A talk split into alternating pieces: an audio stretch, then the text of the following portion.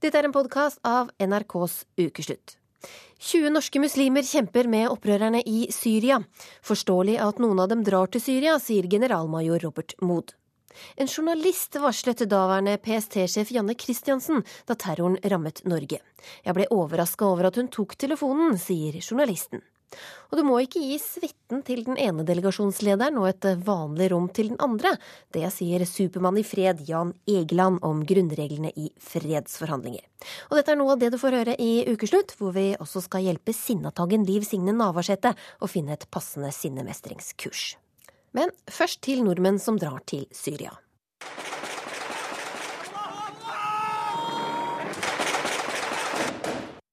Unge norske muslimer deltar akkurat nå i væpnet krigføring i Syria. Det avslørte Dagsrevyen denne uka. Myndighetene sier det er snakk om minst 20 nordmenn, men at det kan være mange flere. Og leder for den radikale islamistiske gruppa Profetens Umma, Ubaydullah Hussain, sa til Dagsrevyen at han ikke forstår norske myndigheters bekymring.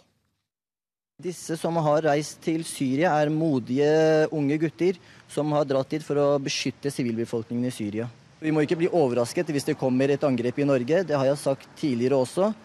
Men jeg sier ikke at de spesifikke personene som nå befinner seg i Syria, kommer til å øh, delta i et angrep på Norge. Hvis du hadde visst om eh, at det var på gang, hadde du da varsla om det? Jeg har ingen kommentar til det. Generalmajor Robert Mood, du sier at du har forståelse for dem som ønsker å reise ned for å hjelpe til. Hva legger du i det? I det så legger jeg at i sommer, eh, når jeg hadde anledning til å reise rundt eh, i disse områdene hvor det pågikk kamper, og hvor man så grusomhetene, eh, som er nesten uten sidestykke, lidelser for kvinner og barn og uskyldige, så så er det ikke vanskelig å forstå her at uh, idealistiske unge mennesker ønsker å stille opp, ønsker å reise ut, ønsker å bidra til å stanse dette. Så um, selv om det er all mulig grunn til å lytte til vår meget kompetente etterretningstjeneste i det de sier, og ta den advarselen på alvor, um, så er det kanskje i den større debatten uh, også grunnlag for å minne om at nordmenn som reiser ut og engasjerer seg i borgerkrig. Det, det har jo skjedd før. Under borgerkrigen i Spania på 30-tallet så var det, så vidt jeg vet, ca. 255 nordmenn eh, som engasjerte seg. Eh, forlot Norge og sloss da på den spanske regjeringens side mot fascistene og fremveksten av det. Eh, nå ble dette forbudt mot slutten av 30-tallet, men eh, hvis man løfter det opp i det store perspektivet, eh, som selvfølgelig er å strekke det en, en, en, smule, så er de jo i godt selskap, uh, unge nordmenn, når de reiser opp og stiller opp for en sak hvor uh, uskyldige mennesker blir uh, drept. Mm. Du sier til og med at de kanskje fortjener honnør. Hvorfor det? Ja, De som nå um, kjemper på bakken i, um, i Syria, de er jo underlagt norsk lov som alle andre. Det betyr at, som også justisministeren har vært veldig tydelig på, både terrorhandlinger og krigsforbrytelser straffes etter norsk lov, også i Norge. Ehm, så det blir jo en sak da i etterkant, hva man eventuelt er med på eller ikke. Ehm, men i forhold til det at jeg er bekymra etter å ha vært på bakken i Syria over det sviket jeg opplevde at den syriske befolkning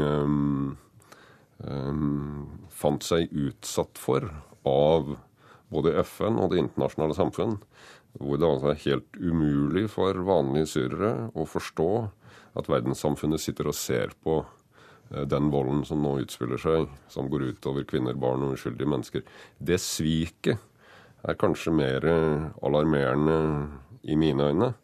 For det betyr at det disse aktørene da kommer hjem med, i tillegg til eventuelle ferdigheter med våpen og ferdigheter på å sette sammen bomber og eksplosiver, hvis det er det de søker, så kommer de hjem med en følelse av desillusjon, å være desillusjonert i forhold til Vesten og ta med seg det sviket hjem. Og det betyr at det sperrende, frykten for autoriteter og det å kunne iverksette aksjoner uten hensyn til de spillereglene som gjelder, Det er kanskje det viktigste her.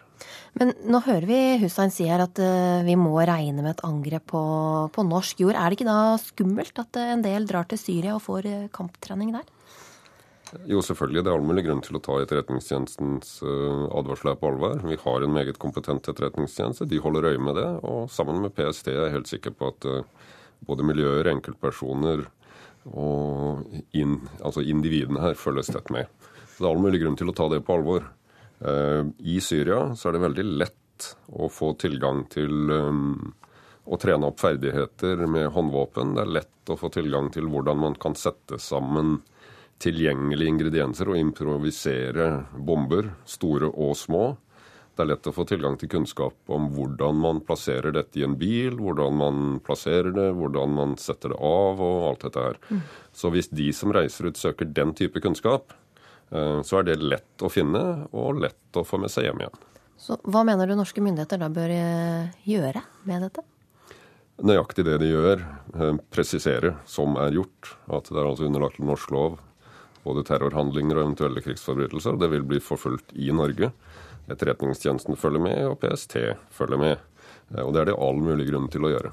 Tusen takk for at du kom til ukeslutt, generalmajor Robert Mood. Jeg er en ganske direkte vestlending. Eh, og å ha en direkte stil, det kan eh, bli oppfatta som veldig krass. Vestlendingene avviser altså at de er sintere enn andre, og dermed må Navarsete finne andre unnskyldninger for sinnet sitt. Denne uka beklaget hun seg overfor Senterungdommens leder Sandra Borch etter en kraftig salve. Heretter skal velgere og partifeller spares for raseriutbrudd, lover Navarsete. Og siden hun også har gjort det klart at hun stiller til gjenvalg, vil vi i Ukeslutt hjelpe henne med å holde dette løftet. Reporter Kari Li har sjekket behandlingstilbudet for Sinnatagger. Noen ganger blir man sint. Du veit ikke hva du snakker om. Det er jeg som har sittet og forhandla. Det er sånn vi har hørt henne. Lange dager og lange netter. Rasende foruretta uten tanke på hva tilhørere, kamera og mikrofoner tar inn. Jeg har stått på hver eneste barrikade i denne saken her. Liv Signe Navarsete måtte beklage på ny. Lederstilen hennes var tema på sentralstyremøtet i flere timer.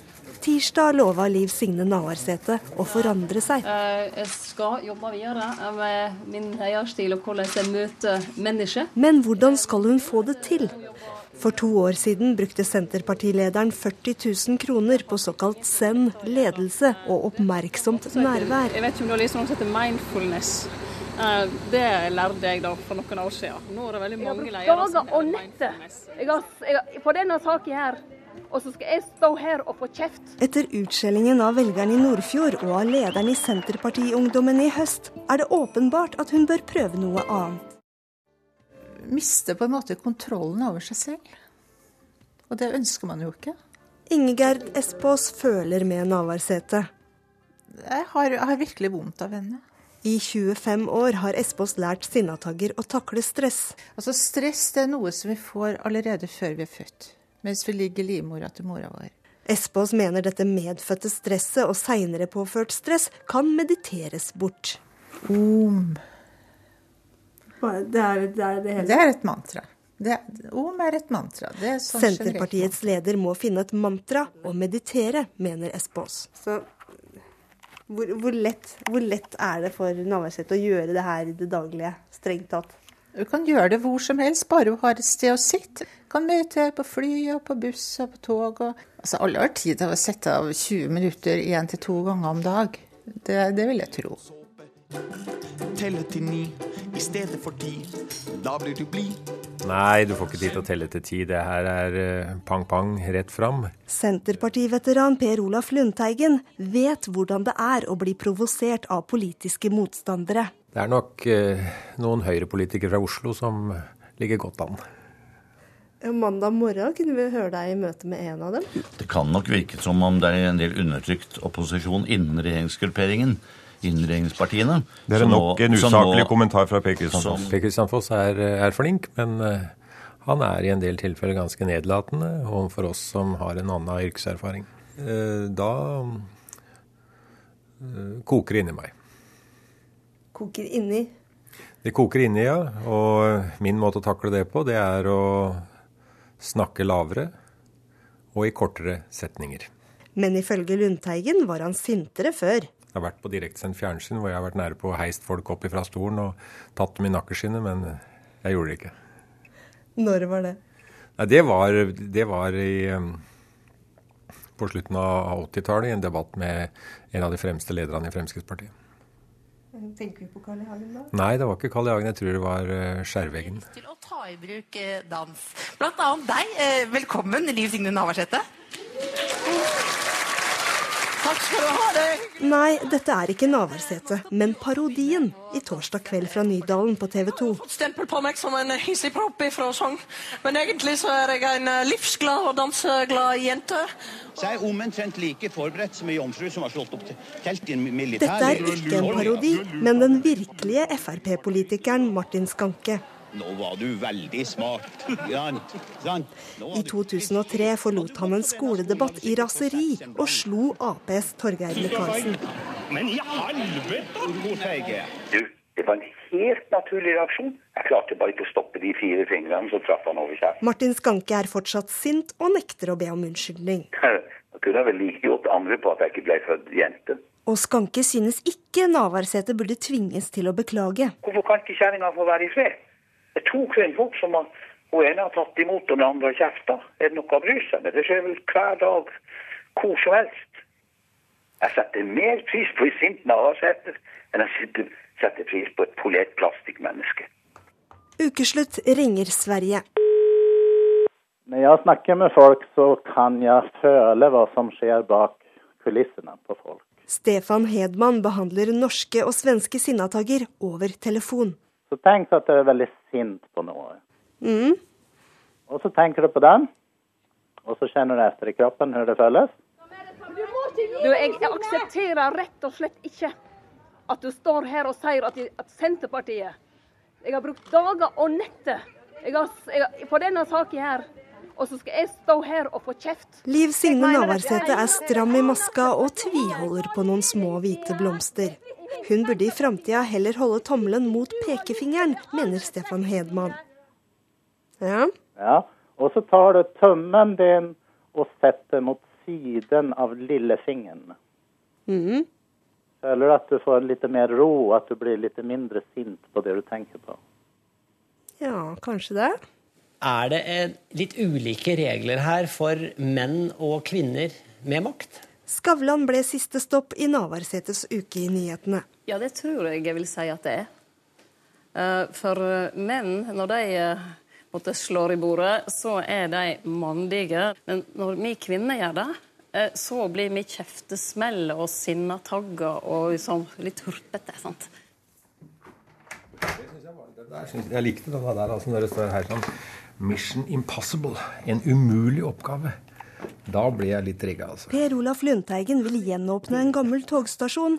Han bryr seg lite om at lokalavisa Drammens Tidende er negativ. Må du anstrenge deg for å skjule det, eller tror du det syns på deg at du er irritert? Det syns sikkert på meg. Jeg er ganske åpen bok sånn sett, men, men etter hvert så har han jo lært seg å smile mer. Det har vært min store svakhet, at jeg har smilt for lite, vært altfor alvorlig. Og det å si ting ganske sterkt og klart samtidig som du smiler, det er litt vanskelig. Så det har jeg trena på i mange år mens jeg melka kuer, for der er jeg aleine sammen med kunde. Hva er ditt råd da til Navarsete i forhold til det at hun skal unngå å havne i sånne situasjoner i framtida? Tenk seg om, prate lavt, korte setninger. Og smile. Og smile. De lo que se trata es de convenir una agenda para la terminación del conflicto. Nuestro sueño, la paz con justicia social y soberanía. Etter over 50 års konflikt valgte representanter for FARC-geriljaen og den colombianske regjeringa å legge den offisielle starten på fredsforhandlingene til Hurdal utenfor Oslo. Og pressen fikk forevige de to gamle fiendene sammen for første gang.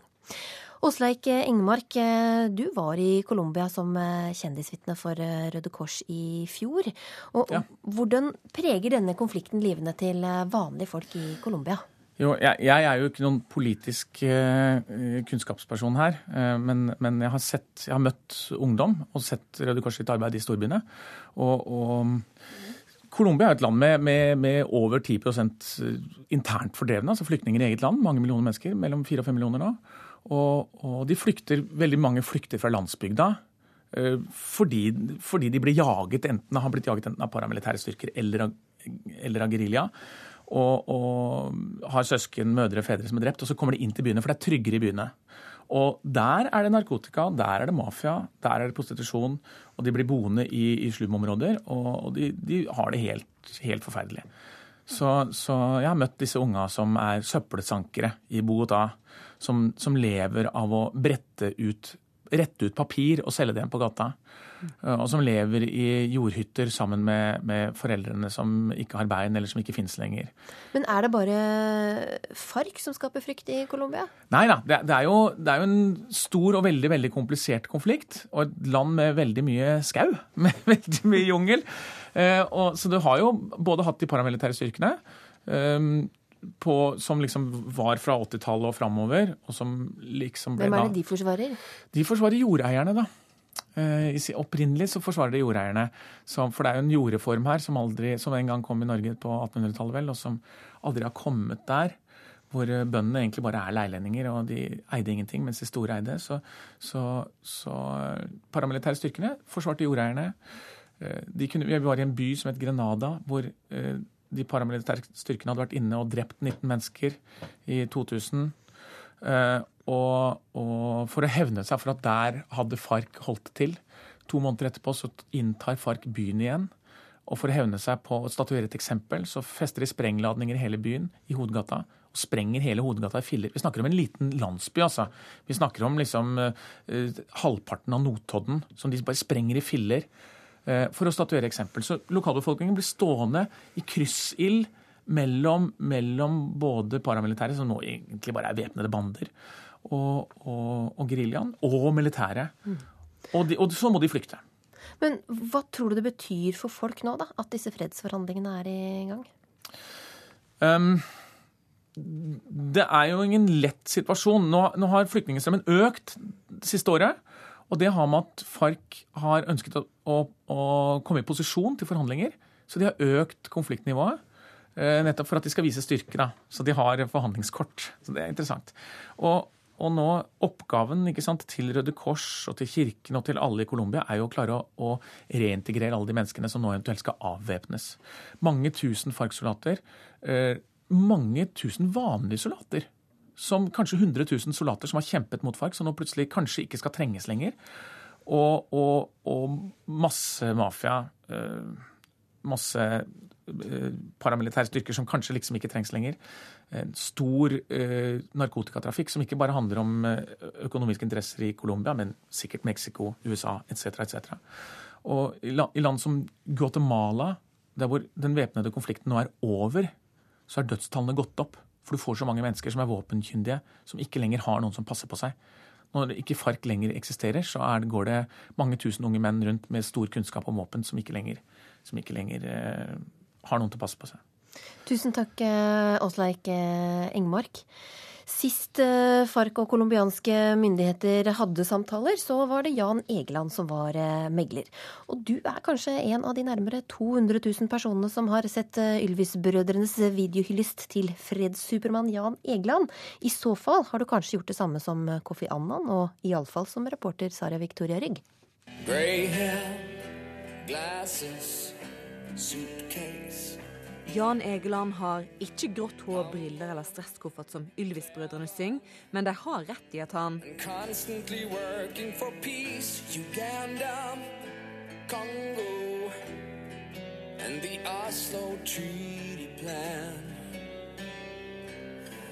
Oh my God, what a plan. Egeland jobber for fred og menneskeretter. I dag er han eh, europadirektør i Human Rights Watch, men tidligere så var han fredsmekleren med stor F. Sist FARC og colombianske styresmakter satte seg ned rundt samme bord, så var det Jan Egeland som mekler for fred. Hvilken kaffe vil du ha? kan velge mellom alt her. Cappuccino. Over en kopp kaffe skal Egeland lære meg en ting eller to om fredsmekling. Nei, det er, altså, det er bare én grunnregel, at du må behandle dem eh, likt. Eh, du må ikke gi suiten til sjefen for den ene delegasjonen og et vanlig rom til sjefen for den andre delegasjonen. Og gjør du, unngår du så enkle feil, så slipper du å krangle om det.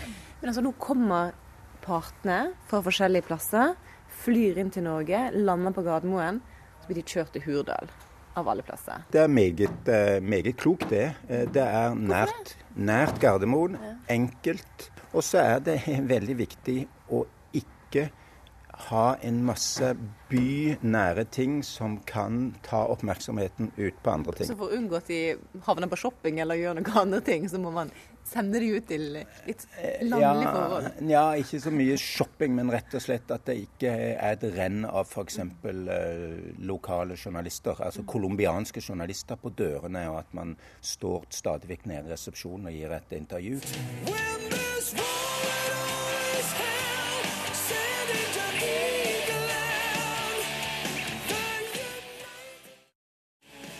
Altså, det er en viktig jobb, men, men det høres jo litt ut som en frustrerende jobb å sitte som mekler.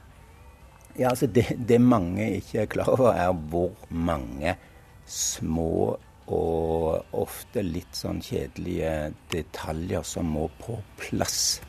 I Oslo, den, den, den kjente norske kanalen som ledet opp til den berømte Oslo-avtalen, så brukte vi vel 95 av tida vår til å motta og sende beskjeder om logistikk. Så det er frustrerende å skape fred? Ja, det er veldig, fred. Det er veldig mye, mye hardt arbeid, rett og slett. Og Etter å ha sett musikkvideoen til Ylvis-brødrene der Jan Egeland blir fremstilt som en supermann som skaper fred i verden, er det vanskelig å ikke se for seg han i rød kappe med en stor F på brystkassa. Og det er vanskelig å ikke nynne litt. Da husk at i en del sånne forhandlinger så sitter de Har man meglet 22 av de 24 timene flere døgn på rad, så blir man trøtt. Og da blir det vanskeligere å holde fokus på saken, og man blir i økende grad frustrert.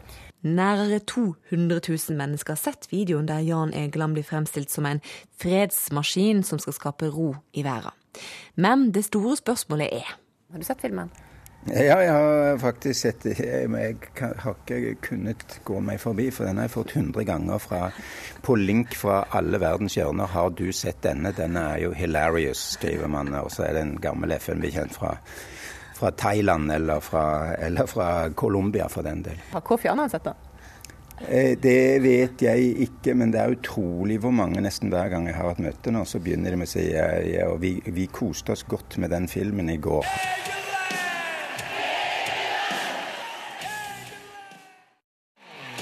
Ikke litt stas å se at fred skaper så stort engasjement?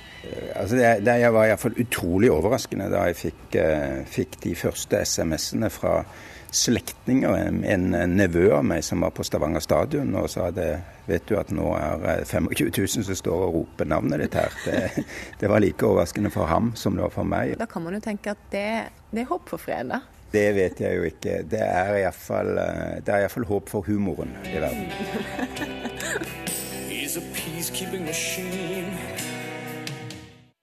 Du hører på en podkast av eh, Ukeslutt, og videre blir det mer om dette.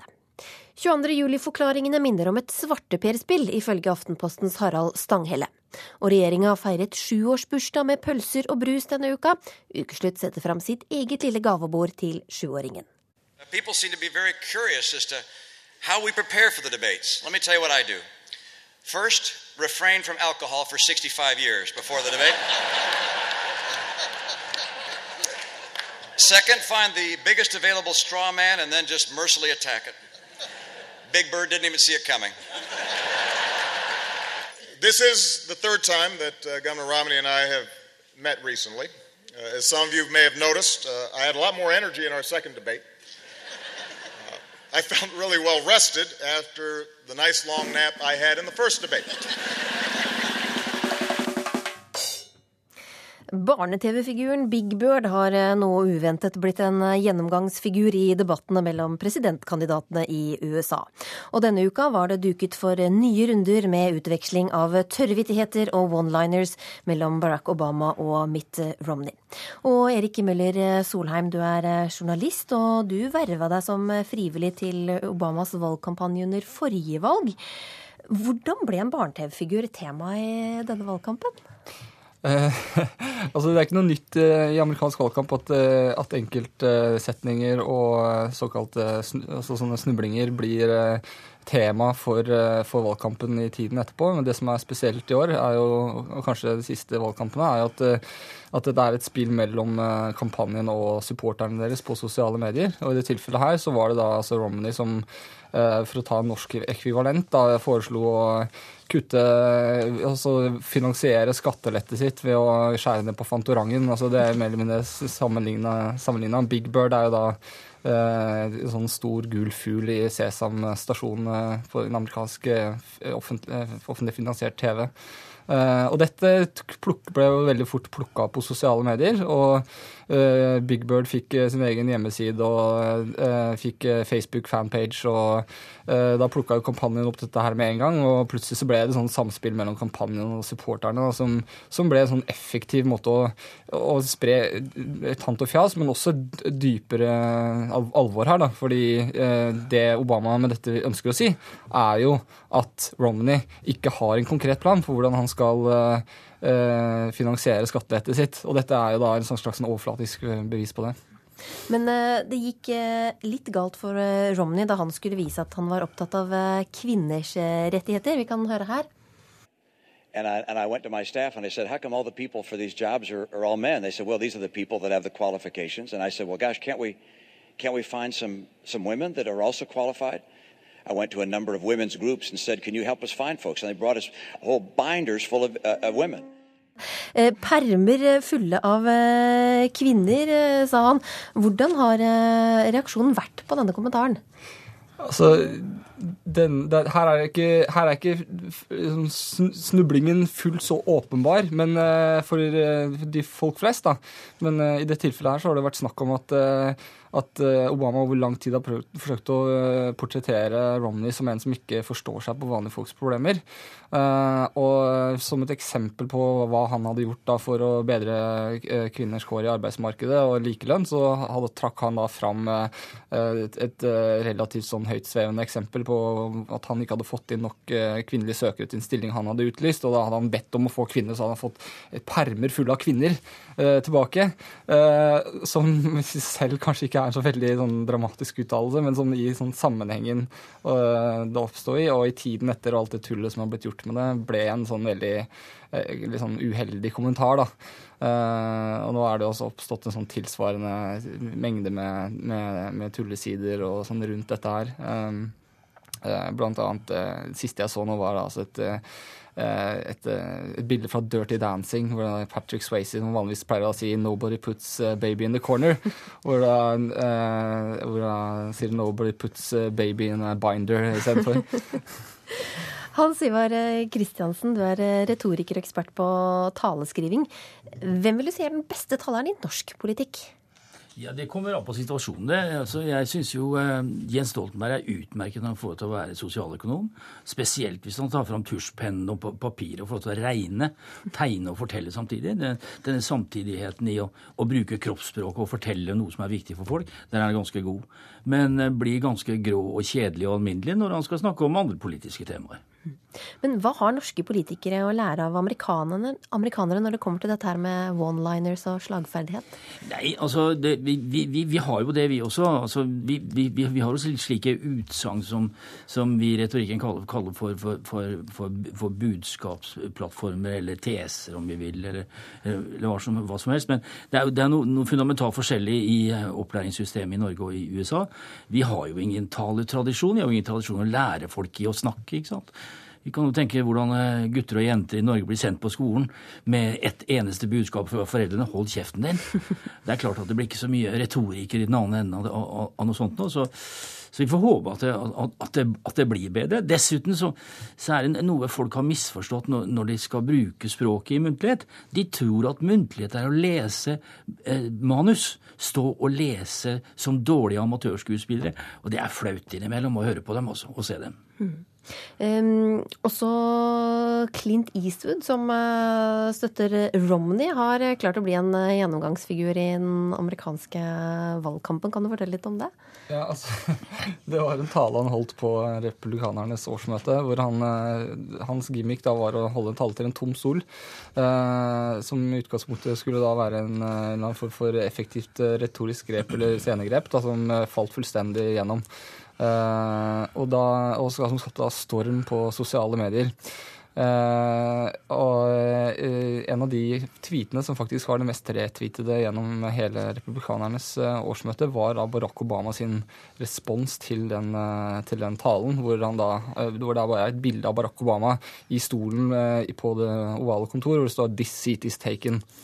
Uh, som da viser liksom, hvor viktig sånn umiddelbar respons uh, på uh, enkelte utsagn og, og formuleringer da, blir og er i amerikansk politikk i dag. Mm. Savner du mer av dette i den norske valgkampen? Til en viss grad kan man kanskje savne litt mer av det. Det hadde vært mer underholdende. Da hadde det løsna litt på snippen. Samtidig så er det ikke til å legge skjul på at det innebærer en viss forflatning av, av budskapet. Altså, eh, jeg syns det blir veldig naivt å ønske seg et sånn amerikanske tilstander eh, i, i norsk politikk, både fordi eh, det politiske bildet er så mye mer sammensatt, og partiene så mye mer sånn like enn det Eh, enn en i USA, hvor du har mer sånn republikaneren på den ene siden og demokratene på den andre. Uh, samtidig så, så, tenker jeg at i utgangspunktet så, ja, vi kan være glad for at vi har den retorikken vi har. Samtidig så kunne vi kanskje jobba litt med å pife den opp. Mm. Kristiansen, selv Obama gjorde jo vidt forskjellig inntrykk på de to debattene. eller på den første og den andre. Har du noen forklaring på det? Jo, det, det, handler om forberedelse. Det, det handler om å kroppsliggjøre det, det, budskapet du har. Altså, fordi du, du, leverer altså med kropp og med stemme. Og Hvis ikke kroppen er i overensstemmelse med stemmen din, hvis, hvis den er slapp og, og, ikke sier noe, så gjør ikke det inntrykk på folk. For vi må huske på én ting, at all retorikk den er audiovisuell. Og det visuelle spiller mye, mye større rolle enn, en det auditive. Hvis det spiller også et puss, så senker det troverdigheten nesten helt til null umiddelbart. Men eh, hva kunne vi gjort da for å få litt mer eh, slagferdige norske politikere? Altså, Du driver jo og gir litt eh, kurs i den slags? Ja, altså, hadde de hørt på hva jeg har sagt, så kanskje det har blitt litt bedre. Men de, de, de bare reproduserer seg sjøl i, egen, i, i, sine egne tradisjoner. Det, det, det er klart at de, de, må tørre å slippe manuskriptet. Men jeg, jeg, jeg ser jo det som, som, min kollega sier her, at det, det er jo vanskelig i norsk politikk, hvor, hvor de tre partiene som slåss om makten, altså Fremskrittspartiet, Høyre og Arbeiderpartiet, de ligner jo for mye på hverandre. Og de eh, har jo egentlig de samme budskapene, men pakka inn i litt forskjellige ord. Så Derfor så blir det ikke den spenningen mm. i, i, i, politikken, rett og slett. Og, der, og dessuten så er Kali Hagen borte. Ja, Erik? Altså, det som gjør Big Bird da, til så effektiv, eh, et så effektivt grep, er jo at det er én detalj som kan løftes fram, eh, som både er, som er underholdende og morsom, men som også belyser en dypere, mer essensiell politisk problemstilling. Eh, hvis norske politikere ble flinkere til å finne sånne enkeltelementer, og så løfte det ut av helheten, og se symbolverdien i, i mindre bestanddeler, og ikke bare fortape seg i det store, kompliserte bildet, så vil det være en berikelse i norsk politisk retorikk, mener jeg, da. I, i, I, en av avisene etter den andre debatten så, så brukte de en, altså en, metafor, et bilde på hvordan, hvordan Obama opptrådte. Og det er ganske beskrivende, i, i kvaliteten, i den retoriske kvaliteten.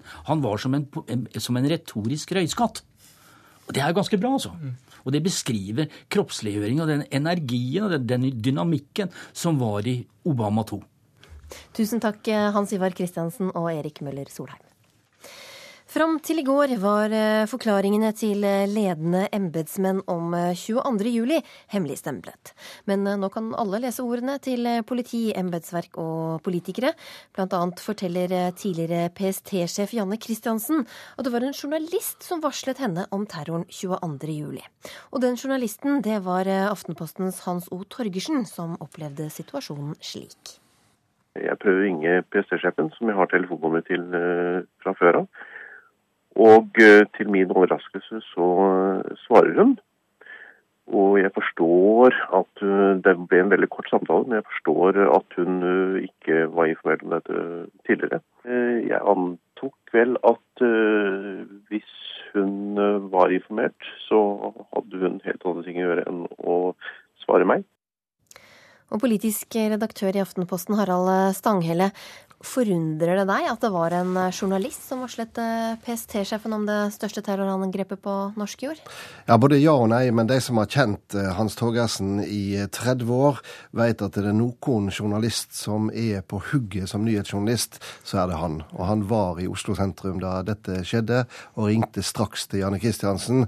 Jeg vet ikke om det er helt korrekt, men jeg har latt meg fortelle at hennes kommentar da hun tok telefonen, og før hun visste hva dette var, var at 'jeg har ferie', og at uh, Hans repliserte 'det har du ikke lenger'.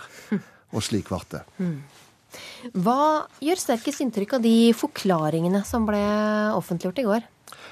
Det som gjør sterkest inntrykk, eh, det er å få en eh, veldig usminka beskrivelse Eh, av hvordan en var klar over en terrorfare. En var klar over at regjeringsbygget var utsatt. Det skjedde svært, svært lite. Vi ser ei ansvarspulverisering, eh, og jeg syns det er eh, nokså forstemmende å se at mens politikerne skylder på embetsmennene, så skylder embetsmennene på politikere, og til dels på hverandre. Det er ingen verken på politisk side eller hos embetsmennene som står fram og sier at vi gjorde feil. Dette er mitt ansvar. Og det er dette du kaller et eh, svarteperspill? Ja, det er et svarteperspill fordi at eh, selv om dømme statsministeren har sagt at jeg har det øverste ansvar, eh, så er det i realiteten ingen som vil påta seg ansvaret for alt det som gikk galt den dagen. Det er heller ingen som vil påta seg ansvaret for at det ikke var gjort noe med Grubbegata. Dette er menneskelig, dette er forståelig, men når det skal ryddes opp, så må jeg nok si at at eh, det ikke er et eh, spesielt vakkert syn eh, i et ansvarsperspektiv. Mm. Men hva forteller forklaringene om forholdet mellom politikerne og embetsverket sånn i det daglige? Jeg vil nok si at flere av disse forklaringene er et lærestykke i hvordan forholdet mellom politikere og embetsverk eh, fungerer. Embetsverket presser på, de eh, har sine langsiktige mål, eh, men de blir ofte overkjørt av politikere med mer kortsiktige mål. Vi ser det spesielt i samspillet og gjerne også motspillet mellom justisministrene Odd Einar Dørum og Knut Storberget på den ene sida, politidirektør Ingelin Killengren på den andre. Eh, Ingelin Killengrens forklaring er veldig sterk, eh, og spesielt oppsiktsvekkende er det at hun så klart sier at vi i Politidirektoratet ønsker ei langsiktig eh, forbedring av, eh, av eh, norsk politi, spesielt på kommunikasjonssida. Men vi ble overkjørt og overstyrt av politikere som insisterte på ting som kunne gi kortsiktige mediegevinst. Og kanskje sier dette noe om forholdet mellom eh, politikere og embetsverk, men også noe om hva politikerne legger vekt på i et samfunn der vi i mediene ikke nødvendigvis bidrar til det langsiktige perspektivet, men snarere dyrker det kortsiktige. Kort eh, til slutt, Er det forståelig at enkelte ønsket at en del av disse forklaringene ikke skulle offentliggjøres? Ja, det er forståelig. Eh, samtidig som det gir et unikt og viktig bilde inn i dette, og det gir muligheten for å stille bedre spørsmål under høringa. La meg helt kort si også at dette dreier seg om debatten om regjeringskvartalet stort sett. Vi må ikke glemme at det ville skjedd en Behring Breivik-aksjon også om regjeringskvartalet hadde vært stengt. Vi vet fra rettssaka at han hadde mange uhyrlige planer. Hva som ville skjedd, det vet vi ikke. Det spørsmålet ville vi aldri få svar på. Tusen takk, Harald Stanghelle. Denne uka hadde regjeringa bursdag, og som seg hør og bør ble sjuåringen feiret med pølser og sang. Reporter Ida Tune Ørretsland tok på seg finkjolen og dro i bursdag. Hurra for oss som fyller vår dag, ikke sant? ja, oss, vil, oss vil de gratulere. Ja, ja. Finansminister Sigbjørn Johnsen drister seg til et slags bursdagsdikt på syvårsdagen. Så la oss si sånn, Du vinner ikke valget hvis du ikke har det gøy samtidig, så det skal vi gjøre. Redde verden, skal vi vinne valget, skal vi stå på. Heikki, Kristin, Espen, Trond, Jonas, Ola. Alle sammen er kommet for å spise bursdagspølser. Men først litt opplegg fra Liv Signe på scenen.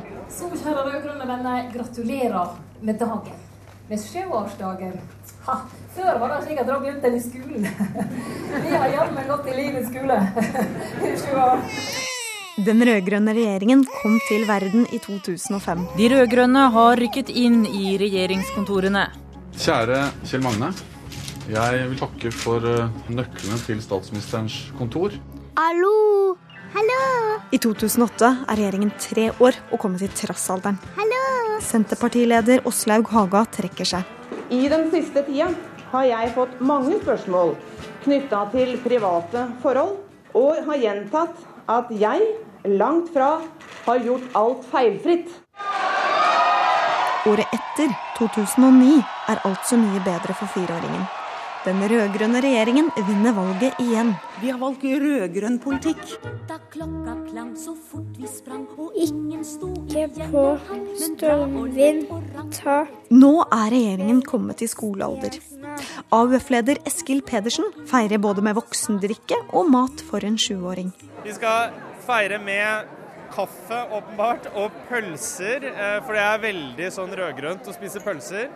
Og litt sånn sjuåring òg, kanskje? Kanskje litt sjuåring også. Vi, vi, vi, er, vi, er, ikke barn lenger, vi, nå begynner vi unge.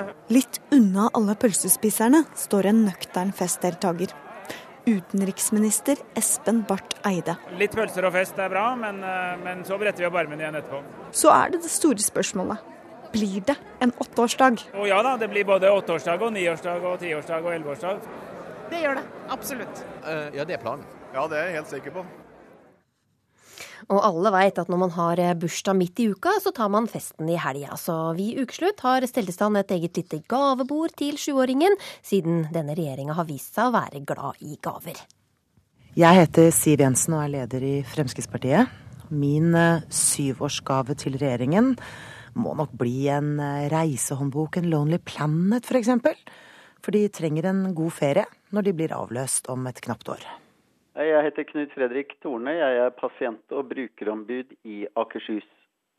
Jeg kunne tenke meg å gi de et, hele regjeringen et opphold på dobbeltrom på et av våre sykehjem. Eh, jeg håper jo at eh, vi kan unngå at noen av de må bo bak et skjermbrett på gangen eller på badet eller på et kontor, men det kan jeg dessverre ikke eh, garantere for at ikke vil skje. De vil under oppholdet bli oppvartet av altfor få ansatte. Så jeg kan ikke garantere at de vil få optimal behandling under oppholdet. Men jeg kan imidlertid garantere for at de vil få rimelig smakløs mat, og at de vil få rikelig med rød saft. Hei, dette er Knut Arild Hareide, partileder i Kristelig Folkeparti. Jeg har veldig lyst til å få gratulere den rød-grønne regjeringa med sjuårsdagen. Og da er det selvfølgelig helt naturlig å gi en gave fra KrF. Selv om jeg har vært litt betenkt, er det noe denne regjeringen har hatt problemer med, så er det jo nettopp å motta en del ulike gaver. Men nå gir jeg en gave som jeg mener skal være helt eh, uproblematisk, og det er et samlivskurs. Etter sju år så tror jeg det er godt for regjeringa eh, å kjenne litt på de gode delene av samlivet. Eh, det knirker litt. Vi opplever en miljøvernminister Solhjell som sier én ting. Vi opplever en olje- og energiminister på full fart på vei mot Nordpolen. Så til lykke med sjuårsdagen og et samlivskurs fra KrF. Hallo, mitt navn er Knut Nærum. Eh, jeg jobber i TV-programmet Nytt på nytt. Jeg vil gratulere regjeringen med sjuårsjubileet, og min gave til dem ville nok vært et fruktfat, siden et fruktfat, fat med frukt, er noe som ville sysselsette alle regjeringspartiene. Senterpartiet kunne undersøkt om frukten var tollfri. SV kunne forsøkt å gi fatet til en skole, og Arbeiderpartiet kunne prøvd å sette i gang prøveboring i det. Og så kunne selvfølgelig Siv Jensen og Erna Solberg stått ved siden av og pekt og sagt at det der er ikke noe fruktfat, akkurat. Du har hørt på en podkast av Ukeslutt. Ida Tune Ørritsland hadde ansvaret for denne sendinga. Finn Lie sto for det tekniske, og her i studio har du hørt Linn Beate Gabrielsen.